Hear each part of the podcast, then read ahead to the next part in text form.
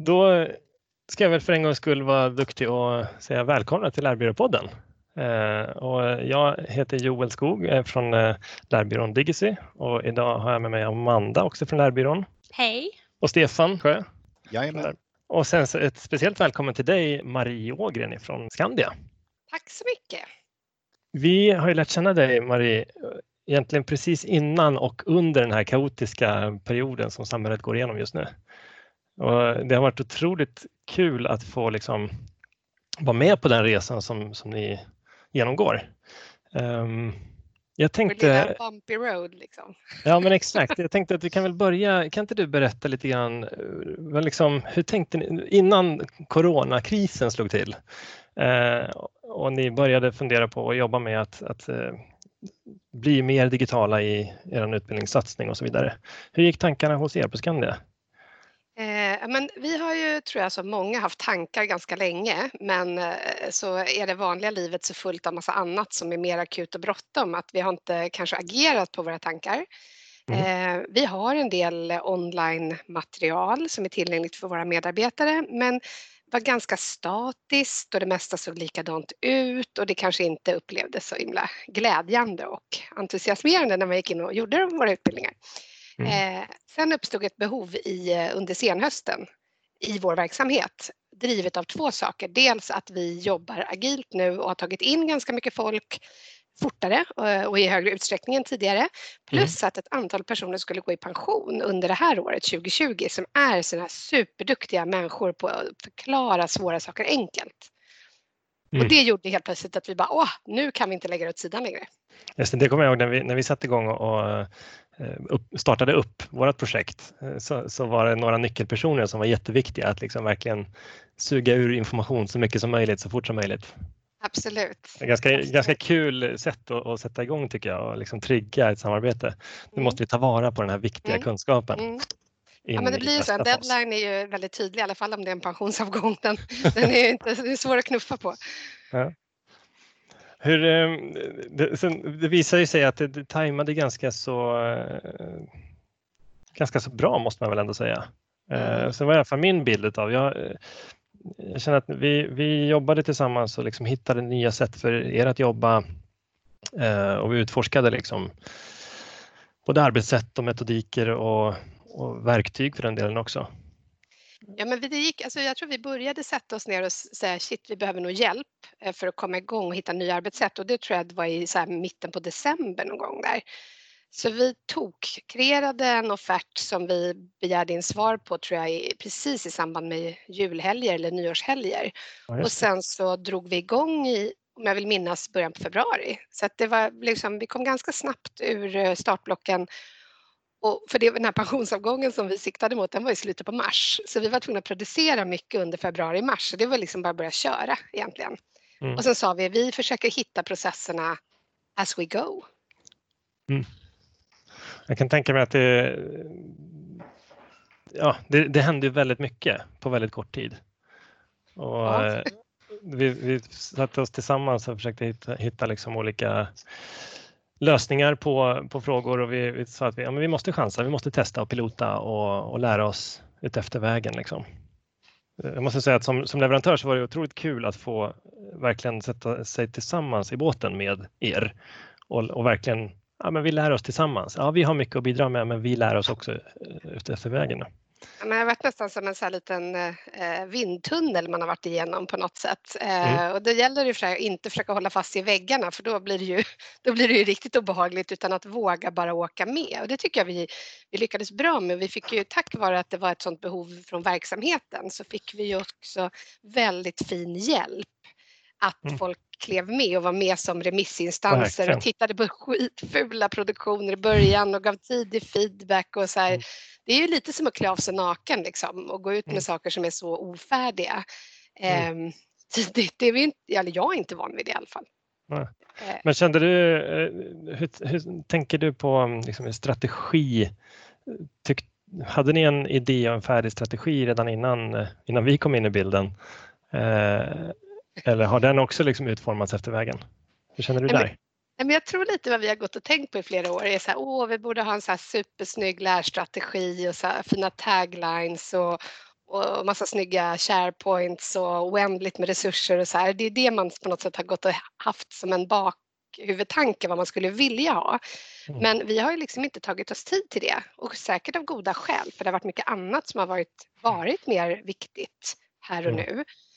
Men, och vi har väldigt lite resurser internt, alltså mm. på utbildningsområdet. I princip ing, liksom, vi har en person som jobbar heltid.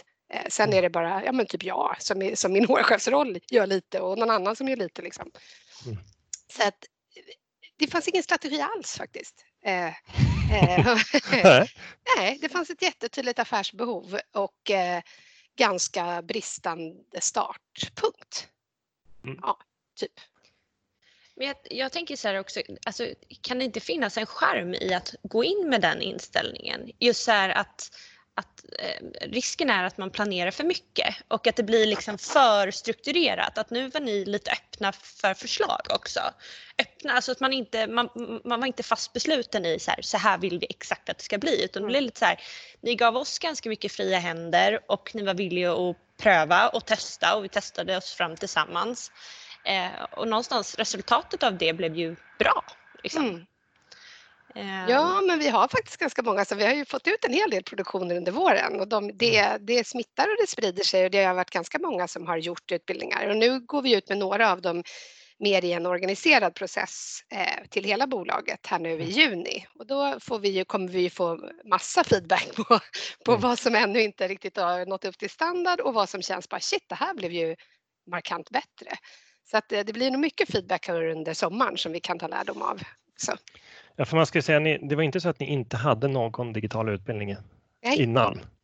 Eh, utan er idé och tanke var att vi, vi, behöver höja kompetensen internt och vi behöver ta vara på eh, kunskap som, som försvinner om vi inte är snabba nu.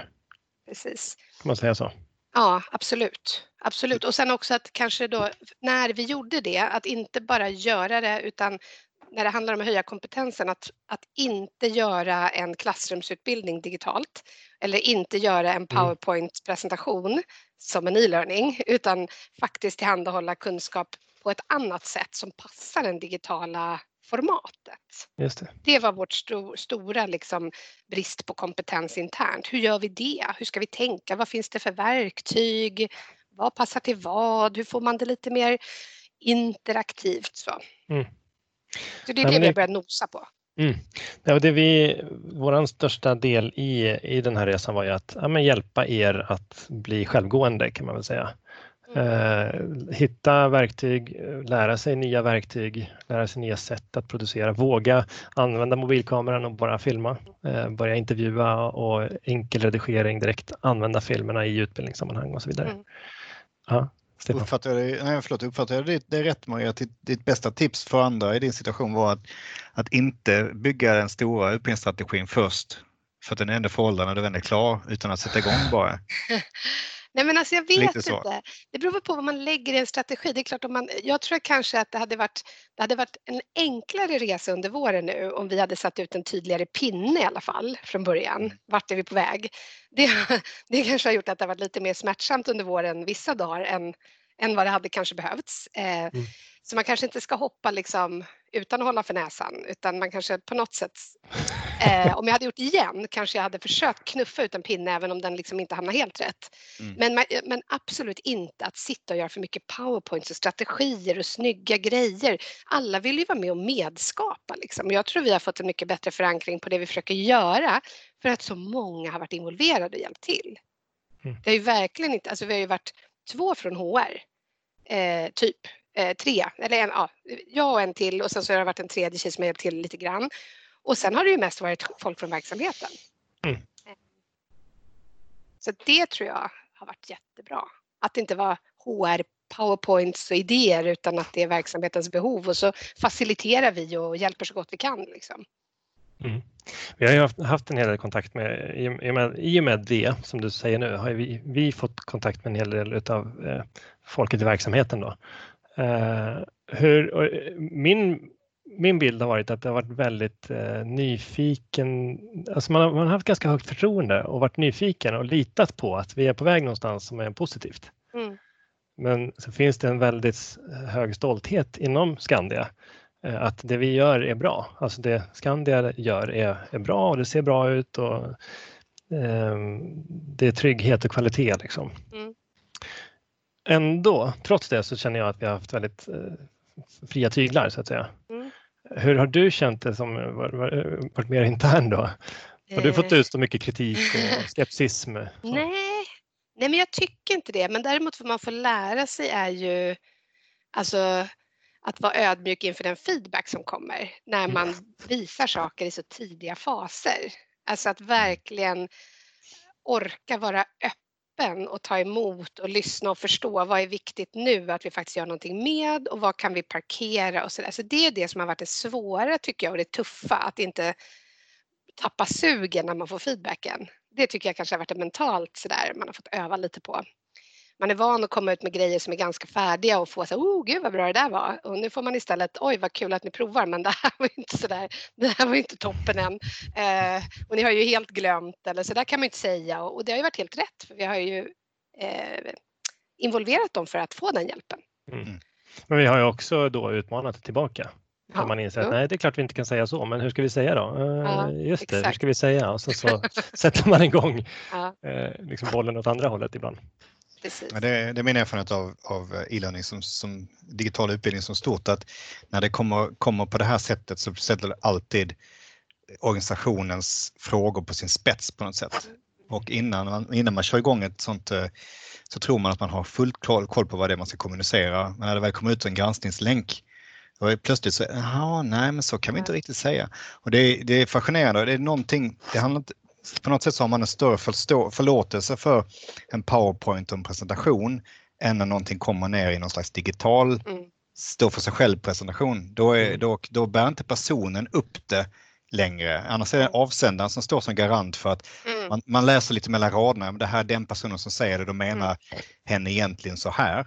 Men när det kommer ut som en e-learning då är det, står det för sig själv och då är det lite lättare att kritisera det också kanske och, mm. och liksom massera om budskapet som man trodde man var överens om. Mm. Men jag Eller? tror att eh, livlinan för oss, jag håller helt med vad du säger, men livlinan har varit lite att vi har sagt att vi håller på med ett pilotprojekt.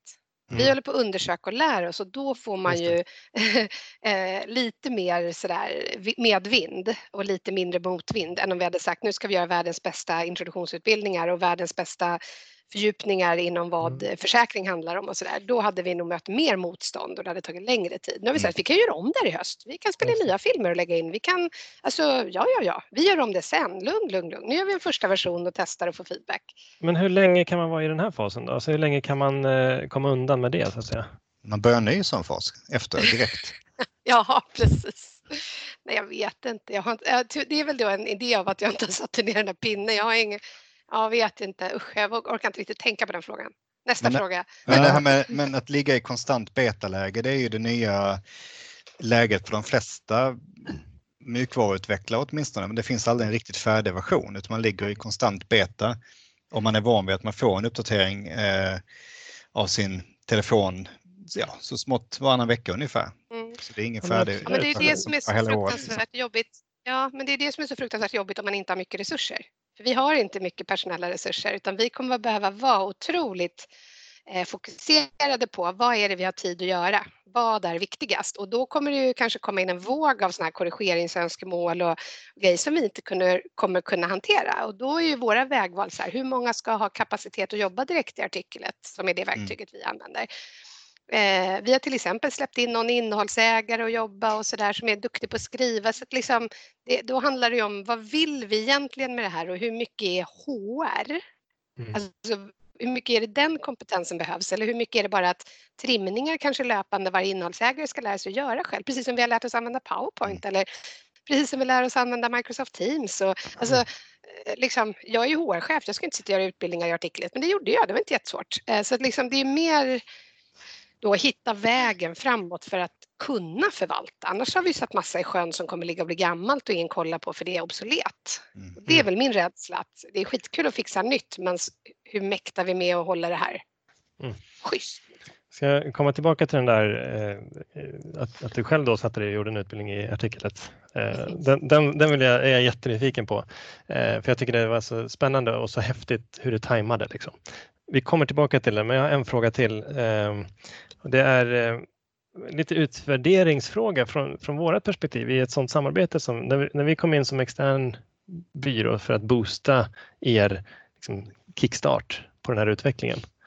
Eh, hur, så här i efterhand, vad var det viktigaste och vad, vad är det kanske hade velat haft annorlunda eller vad hade du behövt mer av eller mindre av? Ja, men det, det viktigaste tycker jag var nog eh, att båda parter hade samförståndet i att det är inte utbildningsproduktioner vi köper. De är liksom bonus på vägen. Och det var ju vi ganska tydliga med i vår offert och så fick vi bra sparring både er och andra som var med under offertfasen att faktiskt ifrågasätta och vad är viktningen och vad, vad, liksom, det är en kort period, vad är realistiskt och sådär. Och att vi då landade i att det är att, att öva som är det huvudsakliga eh, vi köper. Så. Ja. ja, precis och att man vågar hålla i det. Liksom. Mm. Det tycker jag vi har gjort bra och det har varit viktigt för att annars hade vi haft jättemånga produktioner, ännu fler kanske, eller ännu snyggare, men vi hade stått oss stått handfallna nu. Nej, nu har jag ju en tjej, hon sitter ju och jobbar så svetten lackar här nu eh, inför vår kunskapsuppdatering som går ut och gör det helt självständigt. Superbra liksom. Ja. Ehm, ja, det, är det intressant. För det, och det, från vår sida så är det kanske det som sticker ut eh, utifrån andra. Alltså många, många projekt som vi gör eh, blir ju avgränsade projekt, alltså produktioner just. Det tycker jag har varit otroligt inspirerande eh, att, att ha det, liksom, ja, men det ömsesidiga förtroendet att det är det här vi, nu går vi igenom det här tillsammans. Och vi, vi, ska, vi hade ett antal leveranser som skulle betas av men det var inte det som var huvudprojektet utan huvudprojektet var att vi ska lära oss. Det blir ja, som, som lärbyrå så blir det som jätteinspirerande att få samarbeta med en kund på det sättet. Verkligen. Absolut. Ja, men okej, vad skulle jag vilja haft annorlunda eller vad skulle jag vilja mm. göra om? Ja, men alltså i, eh, jag tänker att vi kanske ännu tidigare skulle börjat öva i systemen och i appliceringen, alltså filma mm. själva och sådär.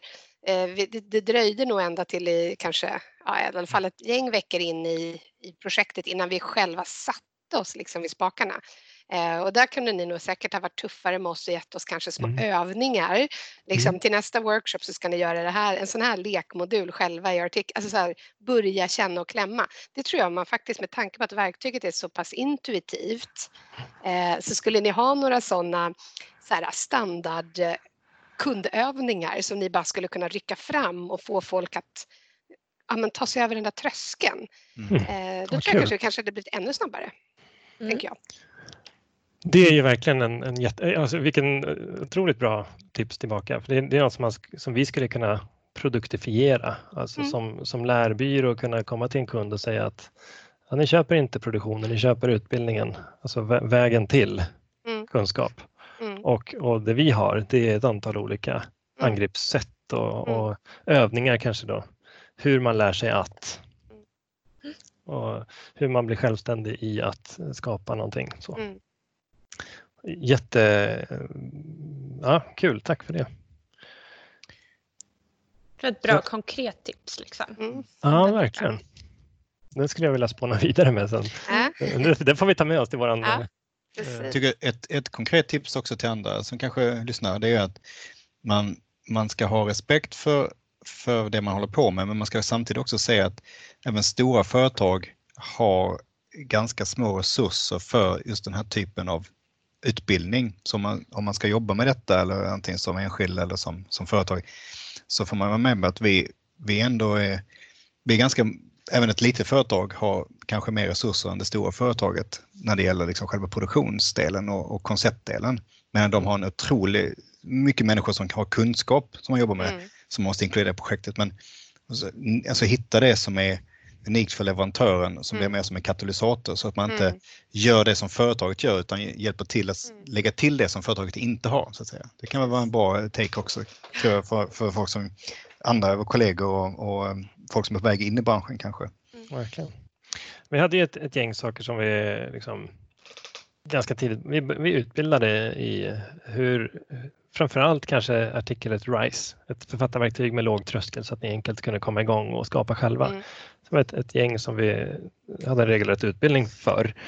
Um, vi tog också fram lite mallar så man skulle kunna få hjälp i manusprocessen. Uh, där tror jag att man kan komma mycket längre om vi, man bearbetar det uh, ännu mer. Uh, och sen så just det att, att våga filma och hur man, hur man kanske jobbar med skärminspelningar och ladda upp i stream tittade vi på. Mm. Mm. Och sen slog eh, coronakrisen till med full kraft och eh, ni hade liksom rustat er precis jättetajmat. Ja, eh, ibland ska så, man ha lite flit också. Ja, men lite så. Eh, och du tog fram den här utbildningen, eller du, ni eh, med dina kollegor tog fram utbildningen att leda på distans. Mm. Eh, kan inte du berätta lite om, om den och hur, hur den kom till? Ja, men eh, det blev ju så att vi flyttade hem ganska mycket folk från vissa av våra kontor, eh, verkligen sådär över en natt som många andra och sen så dröjde det någon vecka eller två och så kom vardagen i fatt många ledare eh, som kände oj, nu behöver jag sparring i ett antal olika frågor. Och då fick vi mycket frågor till HR där vi kände att vi satt och upprepade oss i coachning mm. av chefer. Och då tänkte vi, det här måste vi kunna göra smartare. Och så tänkte vi att det finns många fler än oss som har gjort jobbat med distansledarskap väldigt mycket mer än vad vi har. Så då gick jag ut med en eh, fråga på LinkedIn i mitt nätverk och bad om tips och fick in massor med jättefin eh, feedback och tips och länkar till resurser och sådär. Vad, vad ställde så... du för fråga där då?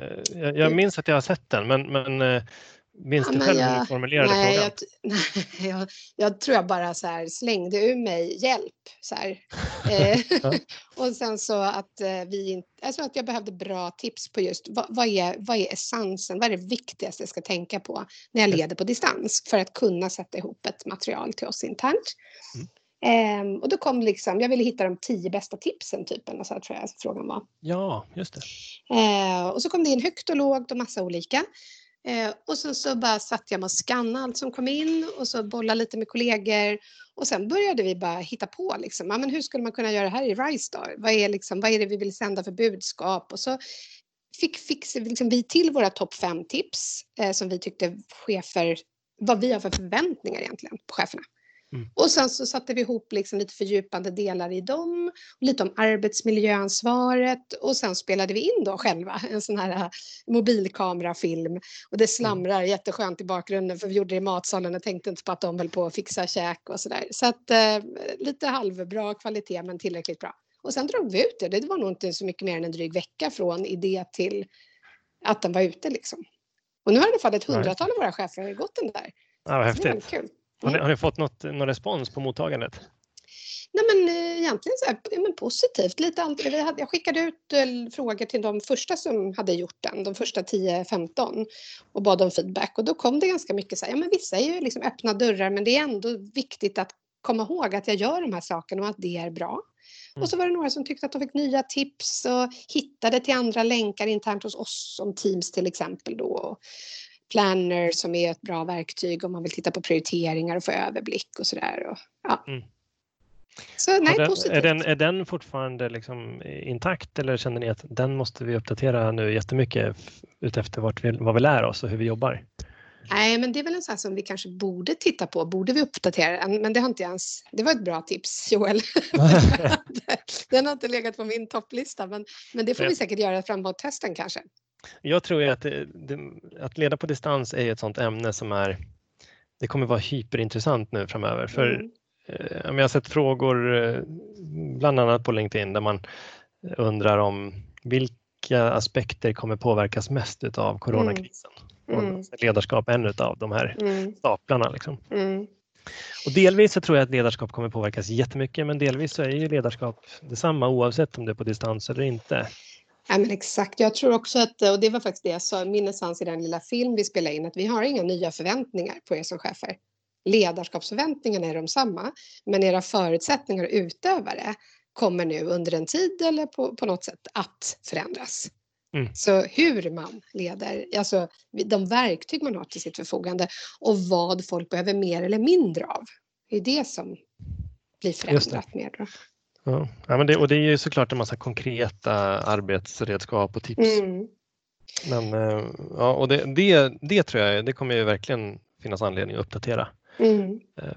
För det är säkert ni som, som många, många andra liksom, teams exploderar ju med funktioner ja, överhuvudtaget ja, just nu.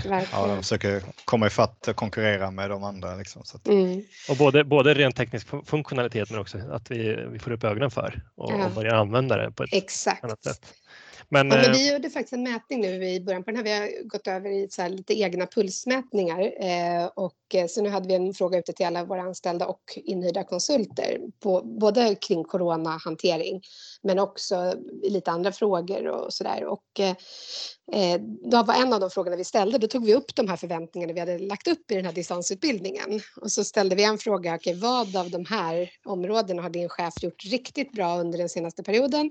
Och sen samma Eh, lista med grejer och vad vill du se mer av framåt? Och där kunde man ganska tydligt utläsa att cheferna varit väldigt, eller ledarna varit väldigt duktiga på att kommunicera, eh, mm. att tillhandahålla förutsättningar för digitalt samarbete. Eh, och, och, det man eh, vill se mer framåt, det handlar mycket om det här att, att, motivera och fira framgång. Det är väl det som jag tror många av oss har kanske inte hittat formerna för helt. Och att man kanske felaktigt går och väntar lite på att ja, men när vi kommer tillbaka och träffas igen, då ska vi minsann. Utan att man hittar sätt att fira i det lilla. Eh, mm. eh, det tror jag är kanske något som är, inte kommer lika naturligt när vi Nej, sitter det, i stora möten. Det kan jag tycka är ledarskapsutmaningen i, om man sätter, tänker att leda på distans. Så den mm. stora utmaningen att det kommer inte naturligt. Det, mm. det sker inte bara av farten. Det, mm. det, jag måste aktivt söka mitt ledarskap. Mm. Jag, kan, jag kan ge två konkreta exempel som vi testade inom HR de sista två veckorna nu. Det ena, vi har så här två möten i veckan där hela avdelningen, vi är 20 stycken totalt tror jag, ungefär. Eh, där vi har såna här alltså, korta standups en halvtimme där alla är med eh, två gånger i veckan. Och så en av de gångerna i veckan så pratar man runt så alla säger något. Vad är mitt fokus? Och den andra så sänder vi lite mer sånt som alla behöver kanske ha kunskap om. Eh, för förra gången vi körde den här rundvandringen Eh, så avslutade vi den med att alla när man gick ur mötet la i chatten till någon annan kollega något som man var tacksam över. Mm. Och det är så här, man avslutar den där halvtimmen och så bara trillar wow. in så här mysiga, superpersonliga tack för att du liksom. Det var, det var en sån otrolig boost. Superenkelt. Och I och med att det blir i chatten så blir det ju så mycket ja, enklare ja, än att om man ska ta till rummet. Då kan ja, man liksom inte gå runt och säga. Och alla fick ju se allas fina feedback. Liksom. Ja, det var en Djup, Ja, det är en, var ju möteschatten. Liksom. När vi loggar ur mötet så lägger vi så här. Och sen i förra, i tisdags var det väl nu då, då sa vi så här, nu styr vi upp. Istället för att man säger exakt vad man jobbar med, vilket kanske blir lite samma vecka efter vecka, så fick man säga tre saker. Och det ena var vad jag är mest stolt över föregående vecka, vad ser jag mest fram emot? Och vad behöver jag hjälp med? Så just det här att kanske styra teammötena till att prata om sånt som också ger energi och tillfredsställelse är ett sätt där chefen inte behöver motivera. Mm. Utan man skapar utrymme för att man får en känsla av motivation. Mm. Det är sådana små grejer tror jag. Det ja, behöver inte vara liksom AVs och events. Liksom. Nej. Det här var, motivera, det var den tredje punkten utav, utav de här, om jag mm. förstod rätt. Om man summerar lite grann, kommunicera var första punkten. Ja, det, precis, det vi ställde frågor om det var just det, att kommunicera rakt och ärligt. Mm. Vi ställde frågor om förmågan att vara tydlig med prioriteringar, att vara tydlig med förväntningar, att skapa förutsättningar för digitalt samarbete mm. och att eh, motivera. Okay. Eh, Just det. Mm. Ja, häftigt.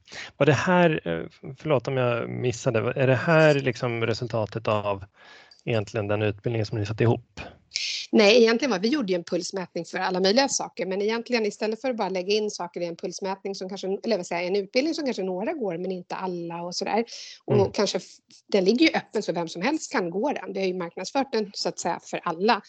Men så blir det ett sätt att befästa att det här är förväntningar vi har. Om jag också som ledare får feedback från min affärsområde eller enhet. Vad har funkat i ledarskapet på distans och vad har faktiskt funkat lite sämre?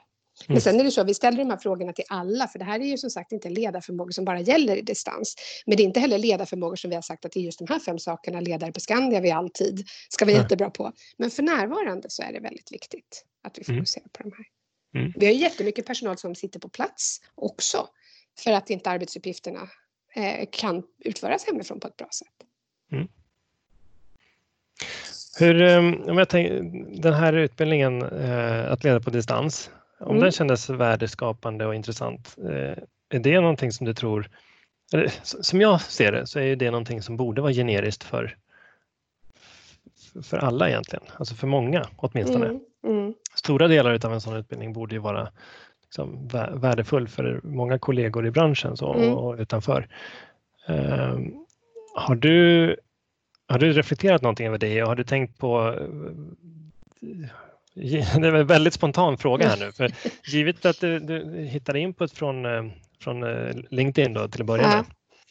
Uh, har du sett något forum där, där ni har liksom fört vidare de tankarna och gett vidare resultatet av insamlingen så att säga? Nej, men vad jag tror jag gjorde i chatten direkt på LinkedIn var att jag skrev samman att vi landade i de här fem prioriterade områdena. Just det. det gjorde jag nog när jag slöt den cirkeln lite kort. Men, men vet du, den här, jag har knappt tänkt på den här utbildningen nu, förutom att vi frågar efter en impulsmätning. Men det blir lite så här, man är ju på man, man, har så många saker som poppar framför ögonen. Att... det går ju fort ibland. Ja, men precis. Jag har faktiskt inte, jag har inte tänkt på det.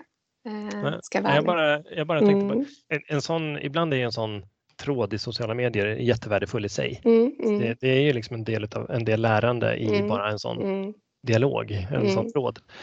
Eh, ibland så kan man ta den som input och ta det vidare och, och liksom ytterligare. Men det, det, kan man väl, det, det, det, är inget man kan kräva av någon tror jag. um, men jag tänkte en sista innan vi ska avrunda helt. Um, jag har uppfattat dig som, eh, eller jag vet att du är väldigt snabb på att lära dig och väldigt öppen för nya verktyg och metoder och, och vill gärna testa nytt. Mm.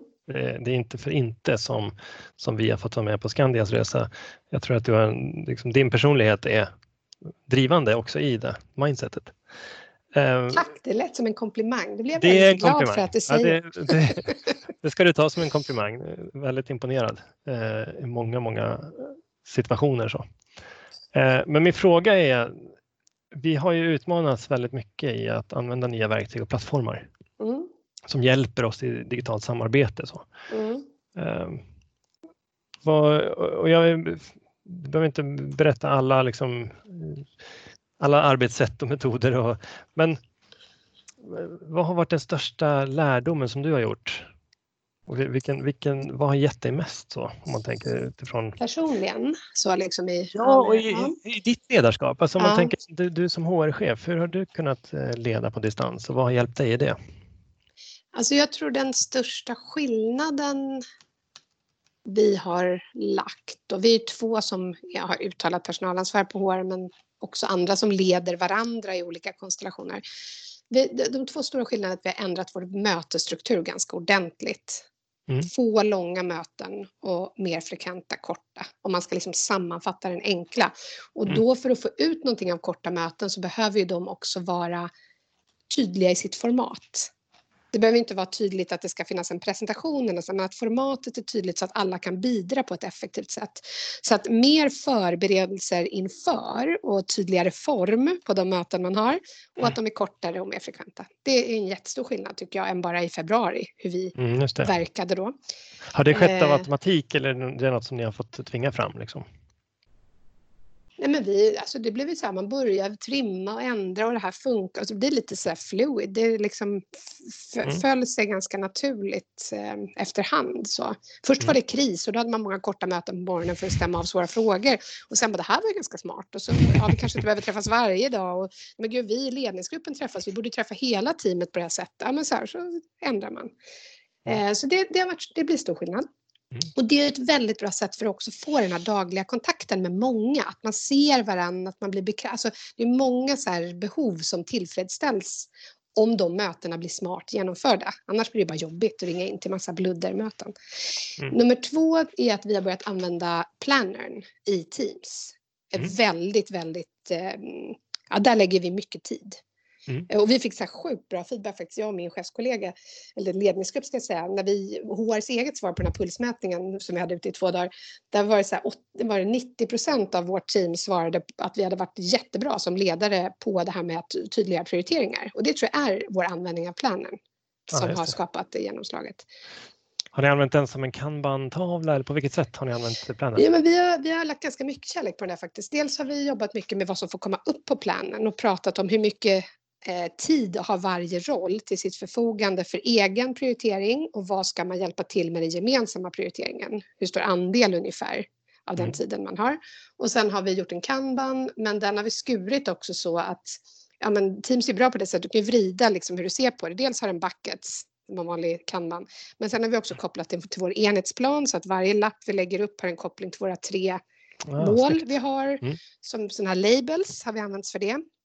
Och sen använder vi ju prio såklart. Eh, mm. Och så har vi liksom en niofältare i bakgrunden i en powerpoint där respektive lapp har en plats utifrån risk för verksamheten på ena axeln och affärsvärde på andra axeln.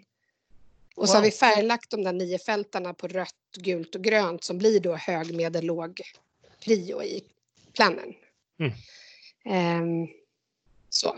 Och sen assignar vi då, de vilka jobbar med respektive lapp och sådär.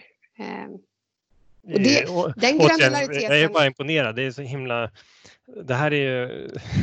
Du, du skämdes lite för att du inte hade någon, eh, någon tydlig strategi när vi mm. började samtalet. Men här blir liksom strukturen som, som skapas vartefter blir ju så mm. otroligt hjälpsam. Mm. Eh, för att ni jobbar med den så agilt och mm. liksom hittar en struktur som mm. funkar och förankrar den i, i teamet. Mm. Eh, det, ja, det, det är imponerande, det är det verkligen. Ja, men och sen tror jag också att jag tror, man får ju se den här tiden som den är ju hemsk på jättemånga sätt och det är ju jättemånga personer, särskilt i riskgrupper, som har det fruktansvärt jobbigt liksom. Och det kan vi ju inte ta bort. Det är ju som det är. Men det vi kan göra det är ju försöka ha fokus på det vi kan påverka och det vi kan ta med oss. Vi ställde en fråga i den här pulsmätningen som också var vad av digital, vad har du lärt dig någonting avseende digitala, eller i hur hög grad har du dragit lärdom kring digitala samverkansverktyg och det var ju skyhögt resultat. Men så hade vi också en följdfråga som var vad tar du med dig framåt? Mer fritext. Och det var också jätteintressant att se liksom vad folk är sugna på att göra av det man nu har tillskansat sig. Mm. Och den gäller ju att man får tag i här nu under sommaren och början av hösten så vi inte faller tillbaka till hur vi gjorde förr i allt ja, men exakt. vi gör. Mm. Min, min summering eller min tanke liksom kring hela det här, det här samtalet är vad, vad har varit quickfixar som har forcerats fram av eh, den, den situation vi är i och vad hade, vad hade skett ändå, eller vad hade kunnat skett ändå i alla fall? Um, framförallt när man jämför och quickfixar och långsiktighet. Mm, mm. Kanske, kanske en konstig hypotetisk fråga, vad hade skett om vi inte hade? Uh, men quick, ja, förlåt. förlåt att jag avbröt här, men, men att quickfixar kan ju kanske bli, alltså att man gör en quickfix för att det är lite panik, men det kan ju å andra sidan kanske bli en långsiktig lösning mm. på, på, på ett sätt som man kanske inte hade kommit fram till om det inte vore för omständigheterna just nu. Mm. Mm. mm. Men jag tror det, alltså, den viktigaste lärdomen vi har dragit, om man liksom slår samman att tänka kring digitalt lärande på ett annat sätt än tidigare och att corona kom. Mm. Så tycker jag att det blir det här att Teams som, som ett sådant exempel, att vi, att vi verkligen får till tvärfunktionellt samarbete och att vi tar hjälp av det när vi jobbar med utbildningsinsatser. Jag tror att HR mm. eller utbildningsenheter alldeles för ofta sitter man liksom på alldeles för stor del av ansvaret själv i att det kommer ut en ja, utbildning. Mm. Att, att man på ett mycket tydligare sätt med innehållsägaren delar ansvaret och att man involverar möjliga mottagare som väldigt tidigt får ge feedback. Kommer det här hålla eller inte från ett mottagarperspektiv? Liksom? Mm. Eh, antingen så blir det bara HR eller så blir HR en jätteambitiös innehållsägare som vill berätta allt den kan. Men ingen bryr sig riktigt om, om mottagaren tillräckligt mycket. Och det Just kan det. ju då Teams och förmågan som alla utvecklar nu att jobba med chattar och man lägger ut något i en chatt och man får feedback och den här öppenheten, inte vara så rädd att andra ser den feedback som kommer. Och det där tror jag, om vi, om vi får en perfekt storm av det, då kan vi bli mycket snabbare och Ja, absolut. bättre i vår produktion framåt. Det var ju vi på egentligen, eller ni och vi, på innan eh, krisen bröt ut. Liksom. Mm.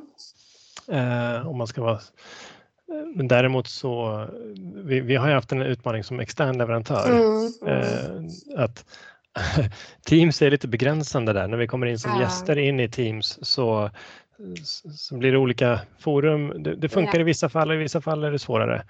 Eh, men men det, det, är en sån där sak som jag tror det, det kommer och måste förändras ja. över tid. Ja. Det måste bli enklare att samarbeta även utanför organisationen yes. så att säga, in i teamet. Mm. Men, och det, det känns som en sån där naturlig eh, utveckling som vi kommer mm. se framåt.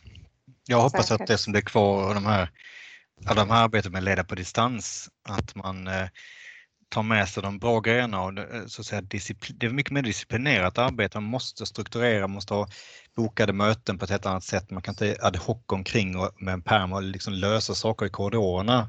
Mm. Så man måste mm. strukturera sitt arbete på ett annat sätt som, som chef för att kunna, för att kunna ge medarbetarna uppmärksamhet till exempel eller och hantera mm. den här lite rörliga situationen. Mm. Man kan ta med sig den. Eh, det blir också mycket jämlika för de som sitter på huvudkontoret kontra de som sitter på externt, alltså satellit. Att mm, alla får absolut. lika mycket uppmärksamhet på något sätt. Man blir inte förfördelad för att man inte är på plats. Jag tror vi hoppas att vi kommer lära oss att, att inte gå tillbaka till det tidigare läget där man kanske löste en hel del grejer på plats. Om man inte var på plats så, så, fick man, så kom inte alla saker fram riktigt på samma sätt. Det mm. tror jag.